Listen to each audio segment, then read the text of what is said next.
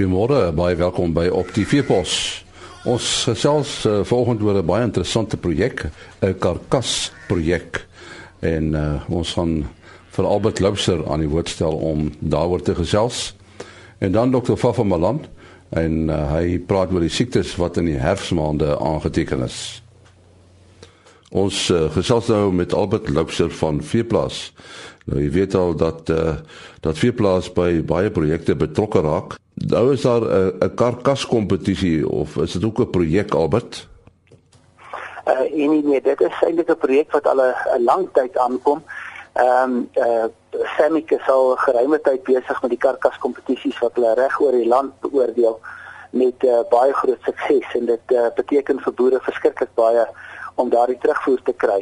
En um, mettertyd ehm um, uh, uh, was daar 'n ander instelling wat ook al lank bekend is, die sogenaamde slagos kompetisies wat wat uh, by baie skoue gebeur het of by baie veilinge gebeur het waar dan 'n beoordeling 'n op die hoef beoordeling was van slagosse voor hulle geslag word en toe die twee kompetisies so van bymekaar uitgekom dat dieselfde groep diere eers op die hoef beoordeel word en dan geslag word en dan word die karkas beoordeel En uh, uit die aard van saak is dit krities dat die twee groepe half met dieselfde oë na die diere moet kyk want dit uh, sou tog nou nie sin maak as die wenslag ons byvoorbeeld gediskwalifiseer word omdat hy te swaar is in die karkas kompetisie nie. En uh, toe daar 'n organisasie gestig ehm um, met die naam uh, the Fat Stock Judging uh, Association en hulle het ongelooflike goeie werk gedoen om beoordelaars op te lei wat dan by hierdie slagos kompetisies uh, die op die hoefbeoordeling kan doen. En as mens maar net kyk hoe hoe die ooreenkomste dan nou gaan uh, veral oor die laaste jaar ten opsigte van die op die hoefbeoordelinge aan die karkas waar die nommer 1 en 2 uh, op die hoef uh, nommer 1 en 2 sommer vir die karkas uh, ook is uh, dan wys dit net dat hier geweldige uh, uh, sukses met die met die projek was. Nou uh, uit veeplaas se oogpunt ons uh, uh, voel sterk dat ou nie altyd die wiel hoef uit te vind nie, maar dat as jy die wiel nou klaar daar is dat jy kan help om hom aan die rol te kry en dis ons rol hier ook om as mediaborg uh, van die projek op te tree. Ehm um, dit is vir ons verskriklik belangrik dat daardie terugvoer teruggaan na boere toe want as 'n boer dan die op die hoefbeoordeling self kan doen op die plaas dan beteken dit hy vat 'n slag oos uh, uh abattoir toe wat uh, op die beste moontlike ehm um, ehm um, uh, gradering gaan uitslag wat dan beteken hy die beste prys gaan kry vir sy diere. So dit is 'n absolute ding wat na twee kante toe gaan en ons ondersteuning van die projek uh hoop ons gaan juist daartoe bydra. Ons gaan in die in veeplaas en in stokfarm op 'n gereelde basis dan terugvoer gee van uh hierdie verskillende uh uh kompetisies en wie waar gewen en enigiets wat mense daaruit kan leer en dan ook om die beoordelaars 'n uh, bietjie blootstelling te gee. Ehm uh, dit dit bly maar 'n uh, uh, ongelooflike belangrike werk wat hierdie ouens doen en hulle doen dit absoluut op hulle eie ehm uh, uh koste en motivering in hulle eie tyd en ek dink die bydrae wat hulle lewer tot tot landbou word totaal onderskat. En ons hoop om om om ook dan ander jong uh, uh, beoordelaars te te motiveer om hierby betrokke te raak. En hoe meer ouens uh, uh, in in hierdie uh, hoe meer momentum daaraan kom hoe 'n uh, uh, uh, groter betrokkenheid van die boere kry ons en hoe hoe 'n groter persentasie van ons diere gaan mark toe uh vir die beste gradering en ook die beste prys. Albert Lobsel het gepraat oor die Fat Stock Judging Association. Maar ons gaan nou praat met Malcolm Moody. Hy is die voorsitter van die Fat Stock Judging Association. Vertel ons net 'n bietjie van hierdie vereniging van julle. Uh, waaroor gaan dit presies? Gaan dit maar oor vetvee? Ja, en ek kyk so 7 uh, jaar gelede het ek 'n ou met die naam van Mark Bale besluit dat ons het nie genoeg beoordelaars in Suid-Afrika wat juis vetvee uh, karkas kompetisies beoordeel nie. Dit ons besluit kom ons sit 'n kursus bymekaar. Ons het kompie ou manne bymekaar gekry en ons het toe nou 'n volledige kursus uitgewerk om vir hierdie ouens te leer hoe om uh karkas kompetisies te beoordeel. Nou so deur die 7 jaar het ons nou uh, elke jaar maar meer en meer verbeter en op hierdie stadium het ons 'n baie baie goeie kursus wat ons aanbied uh deur die land ons beweeg van een deel van die land na die ander. Byvoorbeeld gaan ons hierdie jaar in die Limpopo gebied ons karkas kompetisie hê in Oktober maand. En, en Sernik, waar pas Sernik in?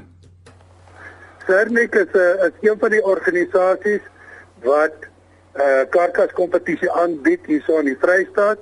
Veral het hulle nou enige gehad waar hulle opkomende boere ehm um, 'n karkas kompetisie mee aangebied het. Een van ons senior beoordelaars, Patrick Sekwatla Kwatla werk vir Sernik en hy het hierdie karkas kompetisie daar gereël met die opkomende boere. Ons doen juis vir opkomende boere ook want dit is een van ons missies om om die um, opkomende boere te kry om beter kwaliteit diere diere in die mark te stel. Nou wat wat is die verskil tussen vetvee en gewone vee? Kyk, vetvee is maar eintlik die slagdiere, diere wat die mark regtig wil hê. Met ander woorde, ons sal kyk na gewigsklasse by Samic Suid-Afrika wat eintlik al die karkas kompetisies beheer aan die karkas kant. Uh wil hulle karkasse het tussen 190 kg en 295 kg en hulle moet aangerade wees. Uh en die groot ding is ons wil die boere dan wys wat wil die mark regtig hê en ons sal binne daai parameters sal ons dan nou hierdie vetvee slag en hulle moet ook dan die regte vetbedekking ook hê. So daar's 'n kriteria wat Samic daar stel om te sorg dat ons die regte kwaliteit diere vir die mark daar stel. Ons sê baie dankie aan Malcolm Moody. Hy is die voorsitter van die Fat Stock Judging Association. Volgens aan die woord is Greg Talbot wat uh, via hanterings uh, toerusting vervaardig en ons gaan met hom praat oor hulle betrokkeheid by hierdie projek. Wat presies is veehanteringstoerusting? Ons vervaardig die die drukgange en die krale, netklampe, voeders, skale en dis meer. Daar's nogal tegnologie ter sprake, nê? Nee? Soos soos wat dit nou verbeter met veral skale, elektroniese skale, is daar nou ook ehm um, outomatiese hekke en weegprosedures wat boere wil nou insit. Hoekom het julle betrokke geraak by hierdie karkas kompetisie? Ons soos ek het sien is die karkas dit dit dit that's the proof in the pudding. Ehm um, daar's boere wat nou die stoet en die genetika genereer, maar op die einde van die dag is is dit die vleis wat ons wil uh wil eet, wat op wat ons op die tafel sit. En daarom by die karkas kompetisies, dit dis waar die boere uh, eintlik kan sien wat is die resultate van die beeste wat hulle het, want dis dis waar die Hulle word opgelei om te sien hoe sien hoe lyk die karkas, maar hulle moet eers bepaal is dit is dit 'n goeie bees om te slag. En jy kan eers sien na die na jy geslag het, is is dit 'n goeie karkas. Daar sê ons baie dankie aan Greg Talbot, hy is die eienaar en uh, die hoof uh, uitvoerende beampte van Teltech. Ons uh, gesels met Fafa Malan en uh, ons praat 'n uh, bietjie oor die siektes wat gerapporteer is so oor die herfsmaande. Uh watter siektes het ons gekry in die herfsmaande, Fafa? Nee, ek het nou die kaarte hier voor my van wat die veeartse Rowasa, dit is die herkouer vereniging van Suid-Afrika, die veearts aan my gerapporteer het en wat ek graag wil oordra. En kom praat ons nou oor die herfsiektes. Ek dink dit belangrik vir beplanning dat ons in die eerste plek wat notas neem dat ons kan beplan vir volgende jaar, maar dat ons ook vir die winter kan beplan vir die uh, die die lente wat voor lê nou. Die voor my is tak die klomp rooi kwaliteit waaronder wat ons weer gekom het. Ons moet vasstel wat ons bestuuringsprogram vir die lente gaan wees, maar ook moet ons bewus wees dat daar sekere parasiete brandewurms wat aan die kouer maande hou, die bruin maagworm en soos die bankrotwurms. Ons moet oplet vir diarree, maar daar kan ook nog van jaarwurms wees wat uh, anemie veroorsaak, met ander woorde wit slijtvliese. Volgende is om te kyk of die wurmmiddels nog werk, eers van binnende ronde wurms, dan goed wees dat ons net eiertellings neem en kyk of daar nog 'n wormbesmetting in die diere is. sodat 'n mens dit kan behandel. Dan die diere se voeding neem nou af watter proteïene en dan neem hierdie wurms oor. Landwurms kyk maar na die lammers, kyk op hulle boete en sê het en dan ook masels het ons gekry. Dit is ook tog waar van die arbeiders op die plaas ook die veilings besmet, dat die waterbronne besmet en dat daar lintworm die masels kry.